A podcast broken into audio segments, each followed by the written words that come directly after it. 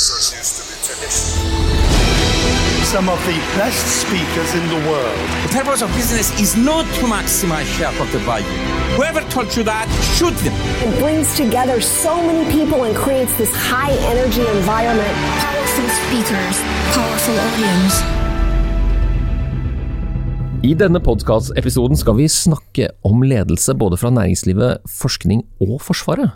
Med meg i studio har jeg nestkommanderende for spesialstyrkene Frode Christoffersen, og leder for Center of the Edge i Deloitte, Daniel Sunde Hansen. Velkommen begge to. Og Frode, du er jo bokaktuell med boken 'Etterretning', som du har skrevet sammen med Kjetil Hatlebrekke. Gratulerer med det. Takk for det. Så forfatter og leder for spesialstyrken. Ja, det, ja, det er spennende. Altså, det er mye jobb å skrive bok, men vi er veldig fornøyd med resultatet. Og nå topper den jo boklistene. Den det er ligger på femteplass eller noe sånt. Ja. Er det en overraskelse? Um, jeg trodde at den kom til å selge bra, men eh, det vet man jo aldri. Daniel, du har rukket å lese den. Jeg har ikke det. Ja, nei, det, nei, gratulerer. Det, jeg syns det, det er kjempespennende verk. Og eh, vi har jo, jeg har jo klart å finne en sånn fellesnevner også med, med, med, med mitt eh, virke, for jeg ser det fra min, min linse, da, helt sikkert. Men nettopp det med, med kreativitet, og hvordan dere bruker det i arbeidet, som jeg syns er veldig fascinerende. Ja, det, det er et spennende fag, og det var egentlig det vi ønska å få ut. da. Eh, Jeg og Kjetil vi har jobba sammen i Etterretningstjenesten, og han er jo han har doktorgrad i etterretning, så det faglige er veldig, veldig godt fundamentert. Men vi ønsker også å få fram eh, det her. Det blir, vi ønsker egentlig å få fram en folkeopplysning i, i den boka her. Men Hvor mye forteller dere da? Altså Hvor mye er det man kan få lov til å vite om etterretningsarbeid i Norge i bokform? Ja, det er jo mye som er skjermingsverdig, og det forteller vi jo ikke om. Um, så det er klart, den har jo, boka er jo skrevet ut fra hva, hva som vi mener bør fortelles, da. Og så har vi ikke kunnet skrive det vi ikke kan fortelle om. Og Når du snakker om kreativitet, Daniel, så vet jeg at Center of the Edge er jo opptatt av disse tingene, og overføringsverdien her håper vi å få fram i denne podkasten. For at der jobber man jo med å bringe folk sammen som har kanskje ikke lik bakgrunn, men for å se liksom på fremtidsscenarioer. Og det samme forteller jo Frode om, at det er liksom hele poenget med etterretningsarbeid. Stemmer ikke det, herrer? Ja, altså, det er jo Hvis man tror at uh, fremtida blir som fortida, så vil man jo bli overraska hver gang det å inntreffe noe uventa. Så man må lage scenarioer som, som er mulige, men som er kreative i at uh, det kan komme nye, uh, nye faktorer inn. Altså som krig i Europa, pandemi, som vi har opplevd nå nylig. Eller oppleve nå. I økonomien så snakker vi om dette som eksterne sjokk. Altså Det skjer ting som man kanskje har hatt kjennskap til fra historien og tenkt at men det skjer jo ikke nå. Og kanskje de siste 20-30 årene har man hatt en litt sånn romantisk idé av at nå er vi i en varig fredstid. Man får gjensidig forpliktende avhengighet av eh, spesialiseringen som har foregått? Særlig siden 2000-tallet. Men så får vi nå en påminnelse, først med pandemien, med alle de ødelagte forsyningskjedene og alle de problemene som har kommet. Og flere land sliter jo fortsatt med dette nå. Og så denne krigen i Ukraina. Jeg må jo spørre dere nå litt når dere tenker på eh, overføringen eller sammenligningen for ledere da, som sitter og skal ta beslutninger. Hva sier vi til ledere, vil du først, Frode? Um, ja, det, det her er jo veldig vanskelig, ikke sant. Eh, Hvor eh, Men erfaringa fra Forsvaret er jo at alt du kan forberede deg på, gir en effekt når du står i situasjonen, ikke sant. Sånn at jo mer du kan, eh, hvis du ikke sant, så Når vi snakker om scenarioarbeid, hvis du kan gjøre en del forberedelser for et sånn verste tilfelle, eller et sånn lite sannsynlig tilfelle, men som er mulig, da, så vil du kunne forberede deg som leder, men først og fremst for, forberede deg som leder i, med organisasjonen. da. Sånn at ikke, det er ikke en ren lederforberedelse som skjer i ditt eget hode, men det skjer med noen grep. da. Så det Altså, er mer enn bare visualisering? Ja, du skaffer deg noe verktøy med, gjennom noe, noe tiltakskort eller, eller tilsvarende. I Forsvaret så er det jo prosedyretrening på forskjellige eh, som er det typiske. da. Og for en leder i næringslivet, og du har jo også forskerbrillene på deg, for du jobber jo med en, en doktorgrad i disse tingene, Daniel? Ja, det, det stemmer. Så jeg, er en sånn spennende spagat der jeg både leder Senter for Ledelse i Norge, men også tar en doktorgrad i, i ledelse. Er spesielt systemledelse, og hvordan man kan påvirke hele økosystemet, er, er området jeg utforsker. Da. Så jeg syns det er kjempespennende det du bringer frem med både kreativitet, eh, strategi, men også kan si, scenarioplanlegging og scenarioanalyse er en del av det kanskje, arbeidet vi kanskje typisk gjør med, med en, enten en toppledergruppe, men igjen, det å bringe inn resten av organisasjonen, du sier, eh, som du trekker frem, er kjempenyttig. For jeg tenker det, det kan være en nyttig prosess i seg sjøl, og så får du utforska mange ukjente eh, muligheter. Men så ser vi igjen, det kan også være nyttig for å inspirere, mobilisere og begeistre organisasjonen og gå i én retning.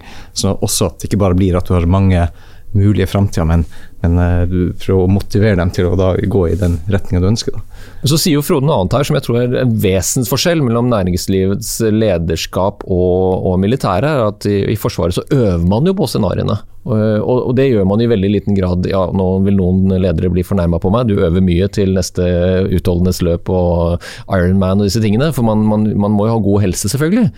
Men i den grad man klarer å øve organisasjonen på helt utenkelige scenarioer, det er i svært liten grad øvd på, eller blir øvd på. Har du noen tanker om det? Hva, hva, kan, hva kan, næringslivet lære av Forsvaret der, eh, Frode? Jeg tror veldig mye kan, kan gjøres på kort tid, da, med sånn eh, tabletop-øvelser, gjennomgang av prosedyrer. Hva kalte du det? Eh, tabletop. At, tabletop du bare, ja, at, du bare, gjør, at du gjennomfører den treninga eh, som, eh, som, på en papirøvelse. da. Ja.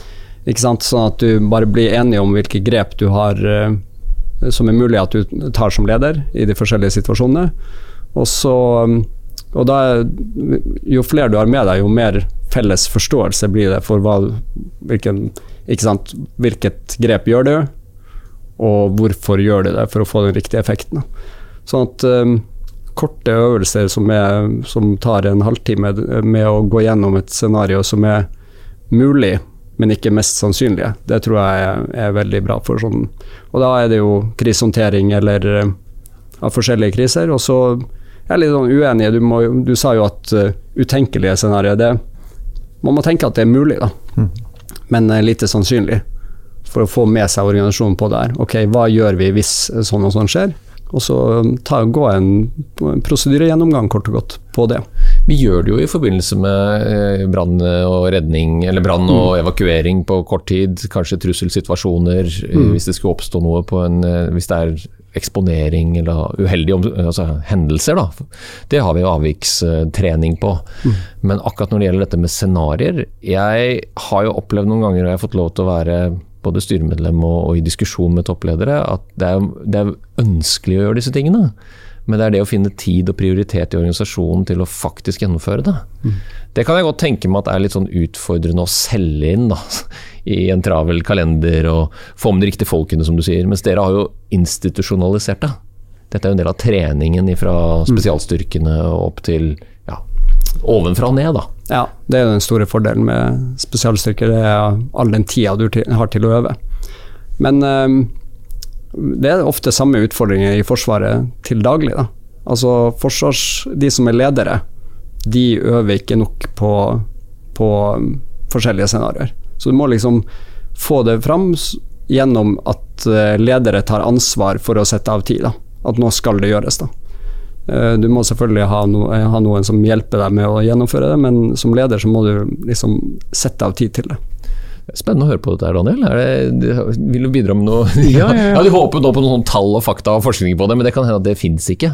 Oh, jo, altså, altså, Vi faktisk har lyst til å slenge på bordet også kunstig intelligens er veldig spennende i akkurat denne sammenhengen. Vi, vi snakker om noe, og egentlig fra to ulike dimensjoner. Det, og det ene er at vi, vi har etter hvert fått lang erfaring med å bruke altså kunstig intelligens, eller hva man skal si, altså deep learning og, og uh, analyse i stor skala i nettopp sånne scenariomodeller. At du Istedenfor at du bare kan man si, samler data og aggregerte det, som man kanskje gjorde før, men at du bare kobler på ulike, en strøm av tusenvis eller hundretusenvis ulike datakilder som da uh, realtime da, lager altså, kontinuerlig hva man skal si, utvikle en eh, sånn scenario du kan navigere i. Så det er jo en, men Ulempen eh, med si, kunstig intelligens så synes jeg det er morsomt du trekker frem boka, det, det er jo at du får jo som regel det som er opplagt. Mm. Du, du, det, det, er veldig vanskelig å få til den typen skal vi si, det utenkelige som du snakker om. Og det her også Vi har forsket aktivt og mye på hvordan kan du utvikle fantasien som en muskel for å kunne nettopp uh, få frem de utenkelige scenarioene. For det er jo nettopp de som er kanskje de, de største truslene, men også der man er, er, svakest. Så da ser vi også på hvordan man kan bruke kunstig intelligens som, et, som en brekkstang for kreativitet. For det er egentlig ganske morsomt. For du kan Det er jo en av fordelene. Du kan komme opp med både visualiseringer, tekst, altså også video, som altså viser deg ting som egentlig ikke er mulig. Men, mm. men bare med noen få tastetrykk så kan du få en opplevelse. Så jeg tror nettopp det med å skape opplevelser er en veldig stor forskjell fra type powerpoints og skrivebordsøvelser. Mm. Så det er noe som kan bli en, si, en, et skifte da, i hvordan man bruker kunstig intelligens. Både for å forstå, men også skape nye scenarioer og utvikle. Mm. Hva ser du å komme vekk fra det dere snakker om begge to? Det handler om å, å, sette av tid til det, slik at man kommer vekk fra den daglige driften og alle de gjøremålene. Og, og mm. alle som har hatt HR-ansvar vet jo det at det, man dynges jo ned av utfordringer som er relativt sånn ekspedisjonsaktig. Så man må mm. bare gjennomføre det og få gjort det. Ellers så blir det jo dårlig stemning og antakeligvis et lite problem mye større. Men så er det det vi snakker om nå, er jo å, å inkorporere dette her i den mer sånn der daglige måten å tenke på. Er ikke det riktig sagt? Altså bringe det nærmere til hva, hvorfor er vi, og hva, hva må vi tenke på? Er det riktig? Tolket? Ja, jeg tror egentlig at eh, liksom, her er typisk at eh, for å øve på scenariobasert eller på prosedyretrening, så er det, er det ofte sånn at um, liksom det beste blir det blir en sånn fiende. Altså, du tenker at, tenker at det her skal være så det her skal være så komplett og så godt gjennomført at det blir ikke gjort. Da. Jeg tror dialogen rundt en problemstilling med en par tiltak mm. kan være det som uh, forbereder deg på, på gjennomføringa. Takk, Frode. Det skal jeg ta til etterretning og bringe videre. Og du som hører på, bør også tenke litt på det. Hvis du kan få til eh, en samling med de som blir berørt av dette på en 30 minutters tid, så kan du få gjort mye. Mm. Det har vi nå lært i dag, faktisk. Det, og det, jo, det klarer jo alle. Og særlig i etterkant av pandemien og refleksjoner rundt hva som kan treffe. I økonomifaget kalles jo dette her ofte en black swan. Mm. Eh, kan man jo dvele lenge ved hvorvidt det fins om det er noe poeng å bruke Black Swan som metafor, men jeg har lyst til å vri samtalen litt inn på noe som jeg vet Forsvaret er veldig gode på, og det er dette begrepet intensjonsbasert ledelse. Mm. Og Da må jeg igjen spørre deg, Frode. Hva, hvis du skal forklare dette til noen som har hørt om det, hva, hva er det Forsvaret legger i intensjonsbasert ledelse? Mm. Nei, Det er å, å, gi et oppdrag som er såpass uh, godt forklart med intensjon hva du skal oppnå. da. At du slipper å gi en ordre som bare forteller hvordan, uh, hvordan ting skal skje. Så det er liksom enkle forklaringer. Det er hvis jeg ber Daniel kjøre meg til Elverum, så, så, gjør han det sikkert på en bra måte. Hvis jeg skal gi han ordre om hvor, hvilke høyre- og venstresvinger han skal ta, så blir det ganske klønete og ineffektivt. da. Så det er liksom den, den enkle forklaringa. Uh, og vi ser fra Ukraina at uh, Russland, spesielt på altså egentlig hele veien, da, spesielt innledningsvis, de har tydelig kun Det er, det er ikke intensjonsbasert. De soldatene der utfører en ordre. Sånn at uh, jeg har sett uh, eksempler på at de ikke har kunnet utnytta muligheter som har vært på i krigen. Da. Mm. Og da blir resultatene dårlige. Så det, det, er egentlig veldig sånn enkelt forklart. Og så er det litt sånn verre med å få til, da. Fordi at du blir jo i hverdagen så blir du jo pålagt eh, en rekke prosedyrer som du må gjennomføre. Hvordan du fører arbeidstid, og hvordan eh, du eh, ivaretar sikkerhet og sånn. Eh, så at å få den kulturen, da. Det er en utfordring i hverdagen, også for Forsvaret. Under øvelser, under daglig øving og trening. Så Når du hører dette med intensjonsbasert ledelse, det er overførbart til næringslivet, men ja. vi bruker kanskje andre ord på det? Ja, altså eh, Vi kaller bl.a. noe av det du beskriver som en, en sånn zoom out, zoom in-tilnærming til, til, strategi. Men jeg tenker det er mange fellesnevnere. For I stor grad handler det om at du, i stedet for at du har den veldig detaljerte treårsplanen som er fase 1, fase 2, dette skal vi oppnå i den rekkefølgen, så er det mye med at du peker ut en, en ønska retning på lang sikt, gjerne 15 til 10-15 ja, år inn i framtida. Mm. Men tillater ganske mye frihet i hvordan nå de målene, men jeg har sånn fokus rundt ok, hva kan vi gjøre som bringer oss nærme dette. og, og, og sette i gang. Og jeg tenker Det, det, det er noen fellesnevnere der.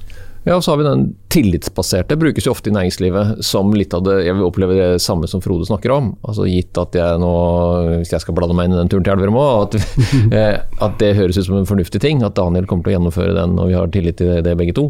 Og vi skal ikke blande oss inn i det. Og der tror jeg mange ledere sliter. På, og også hvis kunnskapsdomenet deres blir utfordret. Mm. Å ha den nødvendige tilliten til de som kan løse oppdraget på en annen måte. Mm. Og så håpe på at det skal gå bra. For det man kan jo ikke vite.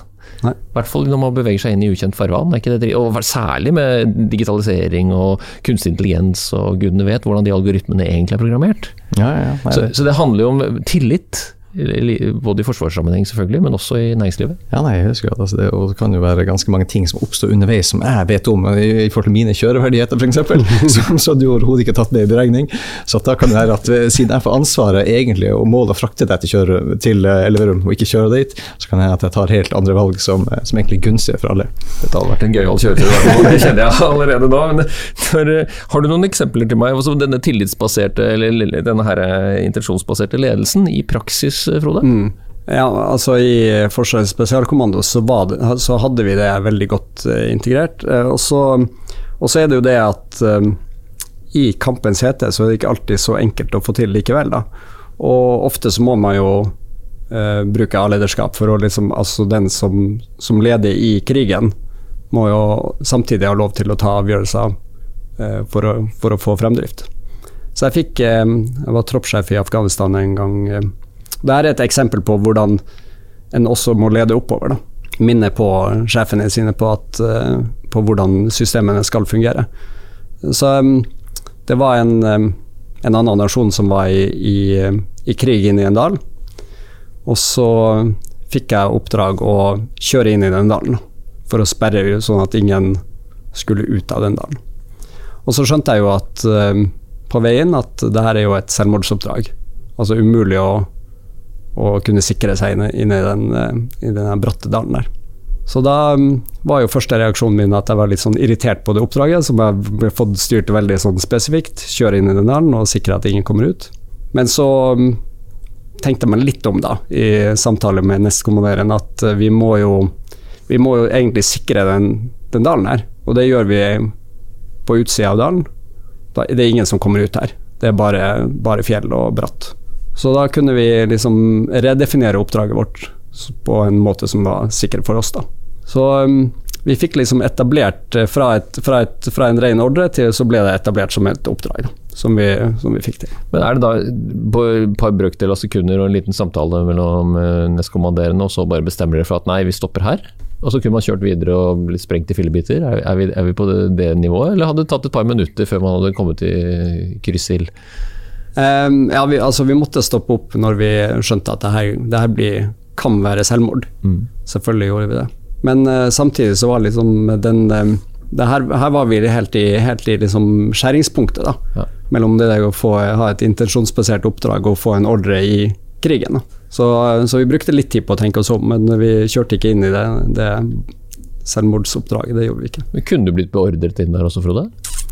Jeg hadde ikke gjort det eh, der, uansett. Nei, Men du- eh, for det er, det, er, det er jo det som er Når du har den kulturen med å se på intensjonen. Hva skal du oppnå? Mm. Så kan du, får du til eh, sånne løsninger som, eh, som jeg tviler på at eh, Russland får til i Ukraina nå. Ja, Det er jo en eh, fryktelig egentlig analogi og, og egentlig situasjon som utspiller seg nå. og Det er jo mange kommentatorer som har påpekt akkurat det der helt mest sannsynligvis åpenbare at russerne har en mye mer sånn fryktdrevet eh, kommando, eh, ovenfra ned-orientering da, når de tar beslutninger. Men når vi tenker på overføringsverdien til næringslivet, på den, det er jo eh, sterkt å høre. Eh, og tenke at vi sender jo folk, de har jo trent på det riktignok, men ned i, i krig for å håndtere beslutninger om, som kan gå på bekostning av ikke bare ditt eget liv, men andres liv òg. Du hadde vel med deg folk. Mm. hva, er det, hva er det du får ut av sånt? Bør det Jeg tenker det, det du belyser er jo kjempespennende dilemma også i, i, i næringslivet, som også har med hvordan man skal distribuere beslutningsmyndigheten. Og eh, Et dilemma der kan jo være på, på den ene siden, så, ja, som vi snakket om i sted, altså de, de som er nærmest, de som er liksom i kontakt med kundene eller markedet, de har jo gjerne mer innsikt i problemet som skal løses. Så kan jo der tror jeg et kjempeuforløst potensial i å, å bruke den innsikten i mye større grad til å finne ut hvordan man skal frakte enten frakte frakteperson til Elverum, eller designe et nytt produkt, eller ta inn de nye innsikt. Så dilemmaet er jo kanskje på annen side, altså hvis du også gir dem så mye beslutningsmyndighet at det som kunne ideelt sett vært en annen strategisk retning for, for firmaet på, på lang sikt, ikke blir ivaretatt. Så det er utfordringen for, for lederen av organisasjoner eller uh, hva det skulle være, å, å kunne kommunisere altså det som er et, i vår tid altså økende kompleksitet. altså Hvordan skal man kommunisere tydelig som leder, eksternt og internt, når det er så komplekse eh, si, både trusselbilder, men også muligheter man står overfor, sånn at det også blir ivaretatt i de beslutningene som gjøres lenger ned i organisasjonen. Mm. Ja, jeg tenker at uh, det er et middel til til å dyrke den kulturen, da. Mm. Og det er en sånn positiv forsterkning. fordi at uh, intensjonsbasert ledelse handler jo om at de som er, står i situasjonen, skal se mulighetene for å komme, komme framover. Ja. For å få fremdrift. For å vinne krigen for Forsvaret sin del. Mm. Og da handler det også om at uh, hvis du er en veldig selvhevdende sjef, og står og tar æren for alt, så, er det, så er det, bør en tenke seg om at eh, koblinga mellom intensjonsbasert ledelse, der du gir folk tillit til at de skal ta ansvar for å oppnå måla som du har satt, handler også om belønning. Da. Og, og det, det, er utrolig viktig i den kulturen. da, Og så sørge for at de som eh, de får æren for det, de som faktisk har funnet løsningen. Ja, jeg kunne ikke vært mer enig. Og det er jo, eh, og det er jo også noe som er veldig altfor alt lite fokus på i de fleste organisasjoner. At man har eh, altså, altså De uttalte målene er ikke sikkert at de reflekteres i enten det er snakk om formelle belønningssystemer, hvem som blir forfremma, og det som reelt former atferden, at der har man en, gjerne en, en, glipp eller et gap mellom det, det man ønsker. Mm. Så er det jo med de korte avstandene, tror jeg. Dette må du korrigere meg med igjen, Frode, hvis jeg tar feil. For jeg har jo aldri vært i noen skarp operasjon, eh, og i hvert fall ikke, altså ikke i noen krig. Og, men jeg tror jo at man kommer tettere hverandre for at man blir så avhengig av hverandre. Så, så det å være da Å skape litt sånn kunstige avstander mm. vil, vil, bli avslørt i debrifen, eller når man skal begynne å se på ja, hva gikk galt her, potensielt. Mm. Er ikke det riktig? Jo da, eh, men jeg tenker at den, de korte avstandene, det, det, er også en sånn Hvordan du gjør deg tilgjengelig som sjef. da. Sånn at eh, jeg var Stanley McChrystal han er jo, han er jo kjent som en, eh, som en veldig god leder. Han var sjef for amerikanske spesialstyrker, de aller beste JSOC.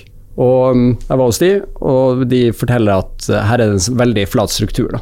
Det er fordi han er Altså, McChrystal var tilgjengelig, og han fortalte om den flate strukturen, og at alle skulle bli hørt.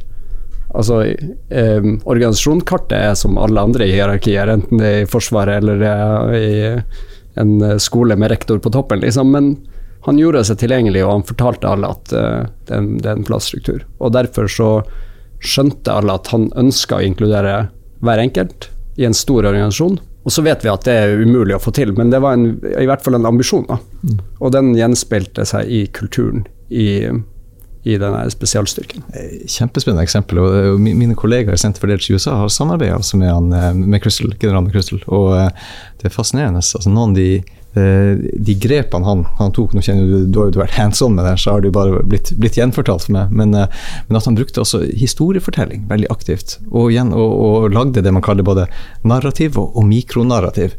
Så når han snakker om at for å bekjempe et nettverk, må vi bli et nettverk. Mm. Og det her ble en sånn meme-aktig begrep som gikk gjennom hele organisasjonen, som vi har fått bekrefta fra veldig mange av de vi snakka med på ulike nivå.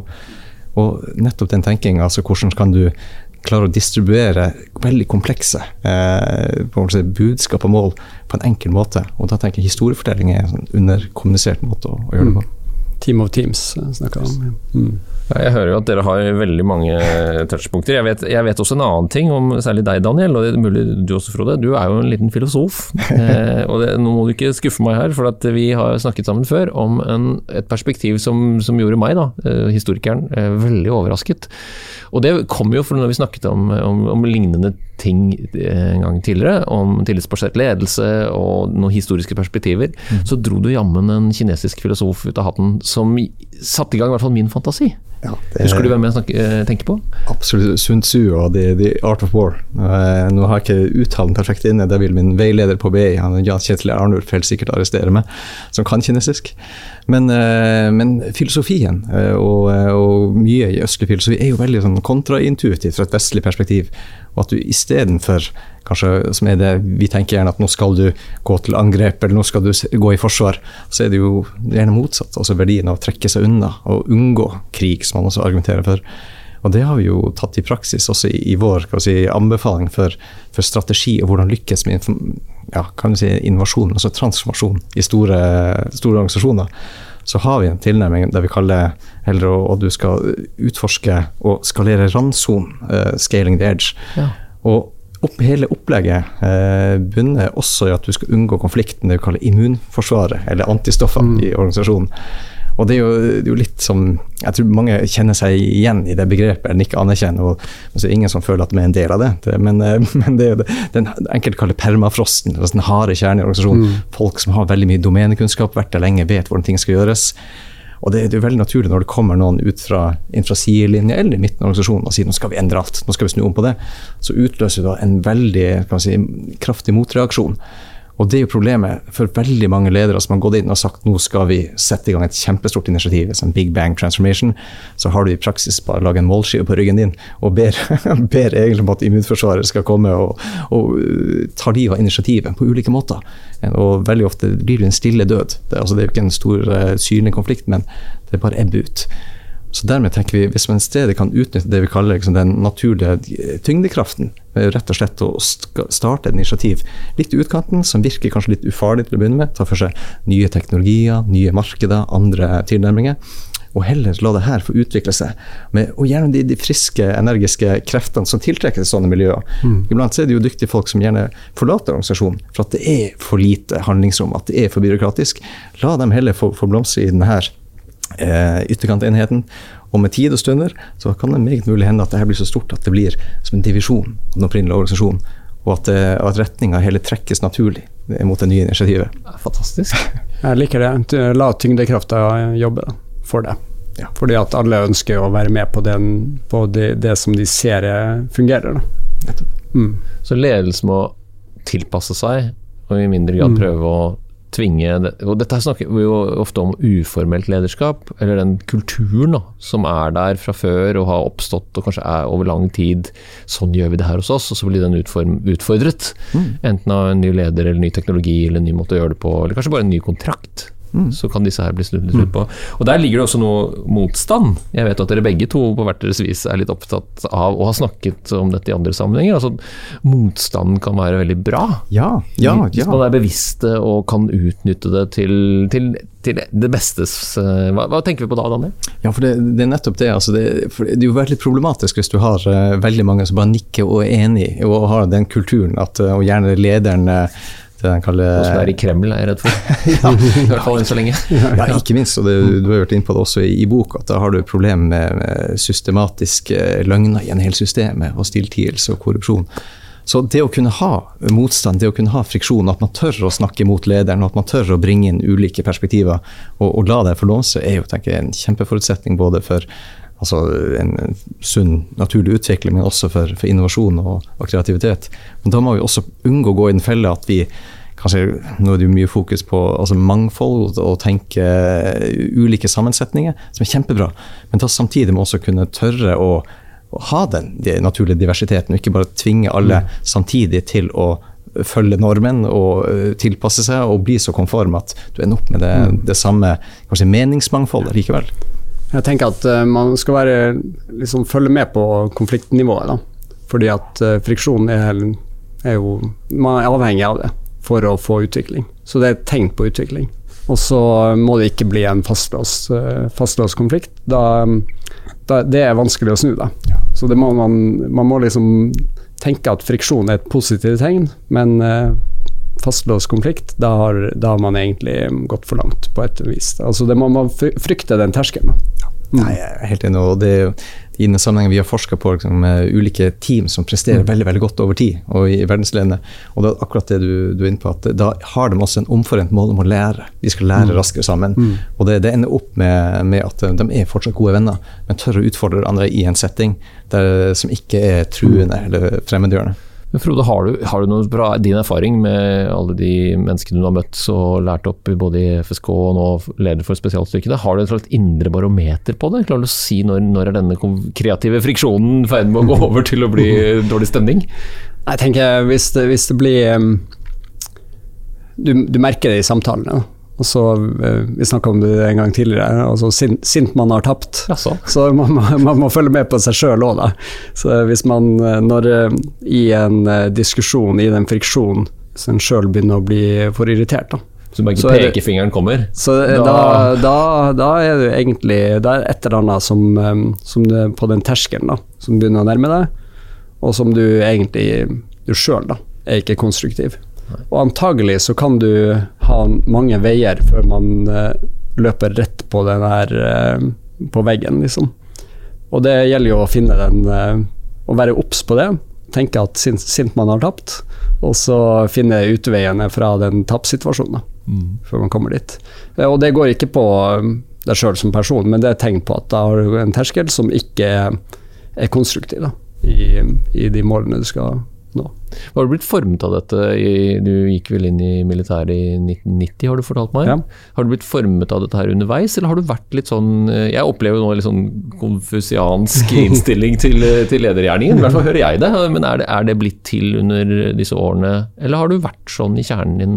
Um, ja, altså jeg hadde, når jeg begynte på befalsskolen, så hadde jeg vel egentlig en sånn autoritetsutfordring. da, så at, um, Men så likte jeg, likte jeg å lede likevel, da. Når jeg fikk jobbe som sersjant også i krigsskole osv. Så videre.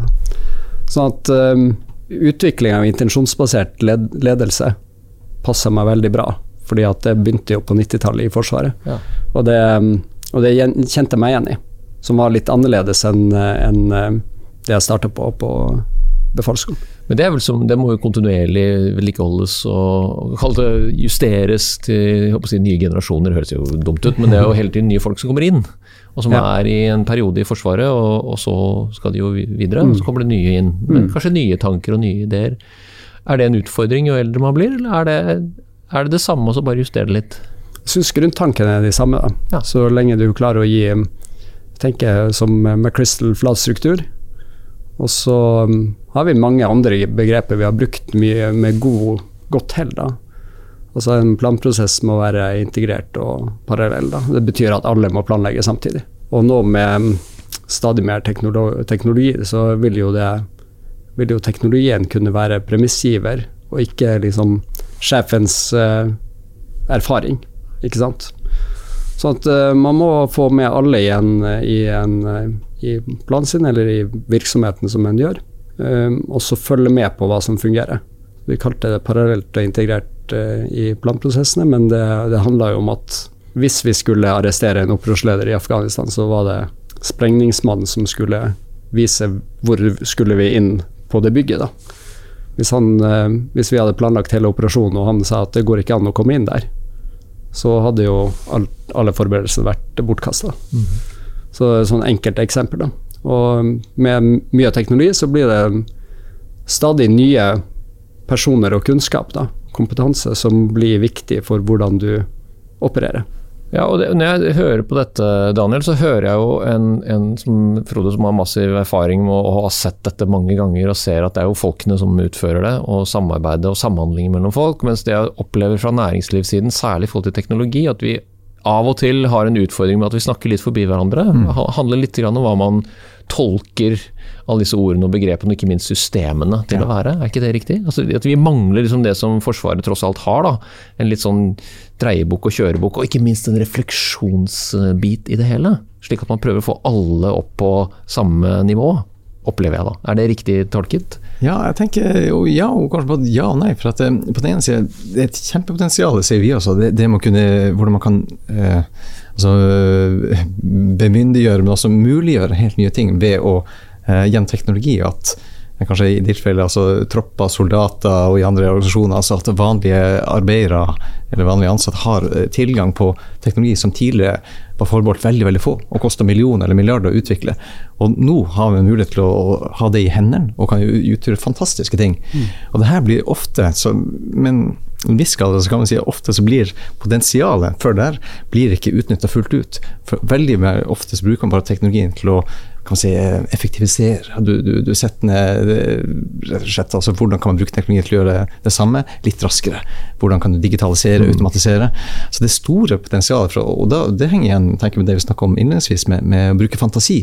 Hvordan kunne du tenkt helt radikalt nytt? Mm. Når du har denne teknologien, trenger vi virkelig den kjeden som er, som er, etablert gjennom mange år mm. for å kunne gjennomføre det her, eller kunne vi gjort det helt annerledes? Så der tror jeg det er kjempepotensial. Vi fortsatt er, har et godt stykke igjen å, å, gå, men man kan lære av de som ligger langt, langt fremme i gjerne teknologimiljøet, som vi prøver å gjøre, men, men også fra andre måter å organisere kan si, eh, ja, bedrifter på, nye måter man kan eh, lykkes med samarbeid. Vi ser veldig mye på kan du eh, klare å skape organisasjoner som skaper vekst gjennom samarbeid med andre aktører, uten så mange formelle kontrakter. Og da er vi inne på den kompleksitetsbiten igjen. Og det eh, og, eh, du, du nevnte litt det med fra et forskningsperspektiv. Vi har stor tro på at eh, en forståelse av hvordan komplekse systemer faktisk fungerer. Og da ser vi jo egentlig på sånn fysikkprinsipper. Hva er det man kan, kan gjøre for å skape fortgang nå? Og da er det, det er kanskje litt som du, også nevnte, altså i mye grad som leder kan du heller tenke hvordan kan du fjerne hinder foran dine medarbeidere, istedenfor for å tenke hvordan skal du stå bak og, og dytte, og hvordan skal du tvinge dem leder. fordi det kan jo hende at du som leder kanskje ikke er så innflytelsesrik som du faktisk tror, eller det er så viktig, men i den grad du kan fjerne hinder og skape mer flyt gjennom systemet, og tilføre ny energi, nye ressurser, så gjør du kan du gjøre en veldig veldig viktig jobb. For det har blitt et sånt, Jeg syns det er et buzzword, akkurat det der med flyt og friksjon. Eh, for sånn, Når man har med mennesker å gjøre, med, med igjen, jeg prøver meg igjen da, for siste gang Det har med den derre eierskapet til sin egen domainkunnskap, når den blir litt truet. Og det ser jo særlig på IT-siden. At der sliter man jo veldig, for at det er mennesker som definerer sin egen, sin egen kall identitet med rollen ergo også kunnskapen de har til det systemet eller de systemene. Ikke nødvendigvis programmeringsspråket, men hvordan det samhandler med andre, mer intensjoner for en virksomhet. Det der er kjempevanskelig å få til å henge sammen, fordi at man snakker forbi hverandre. Og det tror jeg nok eh, alle ledere sliter med, kanskje særlig de som er helt ferske i en organisasjon som bruker litt tid på å komme opp i fart og forstå hvordan er det her. Og så har jeg jo lært noe nå med denne samtalen, at eh, det, særlig dette med randsonen og, og fantasi, det har overrasket meg, mine herrer. At dere har lagt så vekt på det, og at den kulturen som jo skapes, den kan jo få noe påfyll. Hvis man satte oppmerksomhet på randsone og, og, og fantasi. Så er det jo bare å fasilitere for det, da. Uten at det skal bli sånn kumbaya-workshop. Men, men hvordan kunne man ha gjort det, hvis man ikke har gjort dette i en organisasjon før, Frode? Med den erfaringen du har og de tankene du har om type, hvordan dette kan gjøres, hvor skal en leder begynne hen? Nei, altså det Daniel snakker om er jo liksom at du i, i endring så må du sørge for å oppnå suksesser på de, på de nye områdene. da. Eh, og, og forsterke suksess liksom et godt militært prinsipp da, i utgangspunktet. At du setter inn reserven der du har suksess, ikke der, du, der det har stoppa opp. Og da vil du jo liksom kunne få muligheten til også eh, ha, ha et leder, altså endringsledelse på et, på et mer sånn positivt eh, fortegn. Da. Eller et mer positivt fortegn, istedenfor å si at her skal man gjøre endringer. Og så tenker jeg også at det er sånn eh, ja, det er vel Scandia Scan the Environment, eh, som eh, jeg gikk på skole i USA. De var veldig opptatt av at vi ledere skulle gjøre det på Army War College. Altså, det finnes noen suksesser i, i organisasjonen som eh, der, der er ene mm, sambandsmannen eller eh, han som driver med dronene, altså, som gjør det på en annen måte. Hvis du følger med på hva som er, hva som er suksesshistoriene som er der til daglig, da, og har teft for det, altså det, det kan du sikkert utvikle òg, da. Så tenker jeg at du kan eh, egentlig optimalisere organisasjonen din med å få spredt eh, den kunnskapen. Ja, for det handler om de og ikke deg. Ja. Uh, scan the environment, for det fins noen som gjør ting smartere enn en nabotroppen eller naboavdelinga. Men ofte så holder de på for seg sjøl, fordi at de, de er jo ikke sjefer. Ikke sant? Så hvis du får med deg de suksesshistoriene som faktisk finnes, så har du mulighet til å utvikle avdelinga på en sånn selvdreven måte.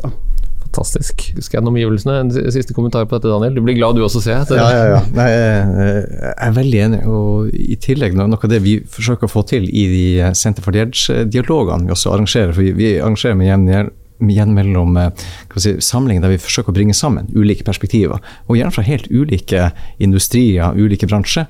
Og nettopp for å ha en læringsarena der man kan prøve å både bli inspirert, men ikke minst dykke ned i hva er liksom de store dilemmaene og de store mulighetene på lang sikt. Og jeg tror noe av det kan også henge med at man i en sånn setting så eh, kan det også ufarliggjøre en del ting. Altså, også både fra ledere og medarbeidere. du snakker om det, Men det er frykt man føler. ikke sant? Det er helt naturlig hvis ditt domene eller din stilling til og med blir trua. For det skal man jo ikke se bort ifra når man snakker om automatisering og, og kunstig intelligens. Det er klart altså, det er folk som er redd for å miste jobben, og med god grunn. Eh, det er jo kanskje i mindre grad i Norge enn i mange andre land, så har vi jo eh, oppgaver som så, altså, Det vil alltid være oppgaver som lar seg automatisere, men foreløpig tror jeg vi, vi har høyt kunnskapsnivå, vi har mye autonomi i Norge, så det er ikke mm. samme type trussel som det er i andre land. Men absolutt, det, det, det kommer. Og jeg ser jo til og med i med, ledelsesforskning. Jeg har gjort et eksperiment på å få en, en eh, AI-motor, GPT3, til å skrive om ledelse, hvordan blir framtidens ledelse. Og den produserer er jo veldig fornuftige ting. Det, det er, så det vi ser, altså, det, men det, igjen, altså, det er liksom generisk, ja, det er opplagt, men det kan man jo si, for det er veldig mye av det som produseres av forskning. Så jeg tror det er egentlig ikke grenser for hva kunstig intelligens og robotisering kan erstatte, med mindre vi også parallelt må utvikle oss. Så jeg tror det er en kombinasjon av mennesker og teknologi sammen, og igjen bruke fantasi, det er et kjempepotensial. Men også bringe sammen ulike perspektiver fra prosess av eh, altså du, du, kan lære kanskje raskere av andre områder og andre personer enn de som ligger nærmest. Mm. Ja, dette har vært en helt eh, strålende episode. Jeg håper du som har hørt på også er like ekstatisk som jeg er akkurat nå. Når jeg skal prøve å oppsummere dette her, så er det fryktelig vanskelig, faktisk. Men det, det, det, det springer altså ut av eh, denne ideen om Ikke ideen, men denne bevisstgjøringen rundt at vi må ha øynene oppe for fantasifulle tanker i, i, vårt daglige virke, alle sammen. For det vil berike oss, men også gjøre oss litt mer forberedt på de endringene som jo hele tiden skjer. Og når man tar det inn over seg og begynner å reflektere over hvordan man da skaper kultur rundt det, så må man ikke glemme å forsterke suksess, som du så fint eh, sa, Frode, og som du også fylte på fra, fra ledelsesforskningen. For det, blir, det, det, handler jo ikke om lederen, det handler om den intensjonen som man ønsker å, eller det problemet man ønsker å løse. Ikke så veldig mye om hvordan man løser det, opplever jeg. Så, så lenge man kommer seg til Elverum og alle er fornøyd og ikke man får fartsbort og alle er med, så blir det bra. Jeg skal kjøpe en eh, bok, det oppfordrer jeg deg til å gjøre uten å vite noe som helst annet enn Daniels fantastiske eh, anbefaling. Etterretning etter den, skrevet av Frode Christoffersen og Kjetil Haltbrekke. Tusen takk, mine herrer, for en hyggelig prat, og lykke til videre. Takk. takk. Hvis du likte denne podkasten, hadde vi satt utrolig stor pris på om du abonnerte og gir oss en tilbakemelding i avspilleren. Some of the best speakers in the world. The purpose of business is not to maximize shareholder value. Whoever told you that, shoot them. It brings together so many people and creates this high energy environment. Powerful speakers, powerful audience.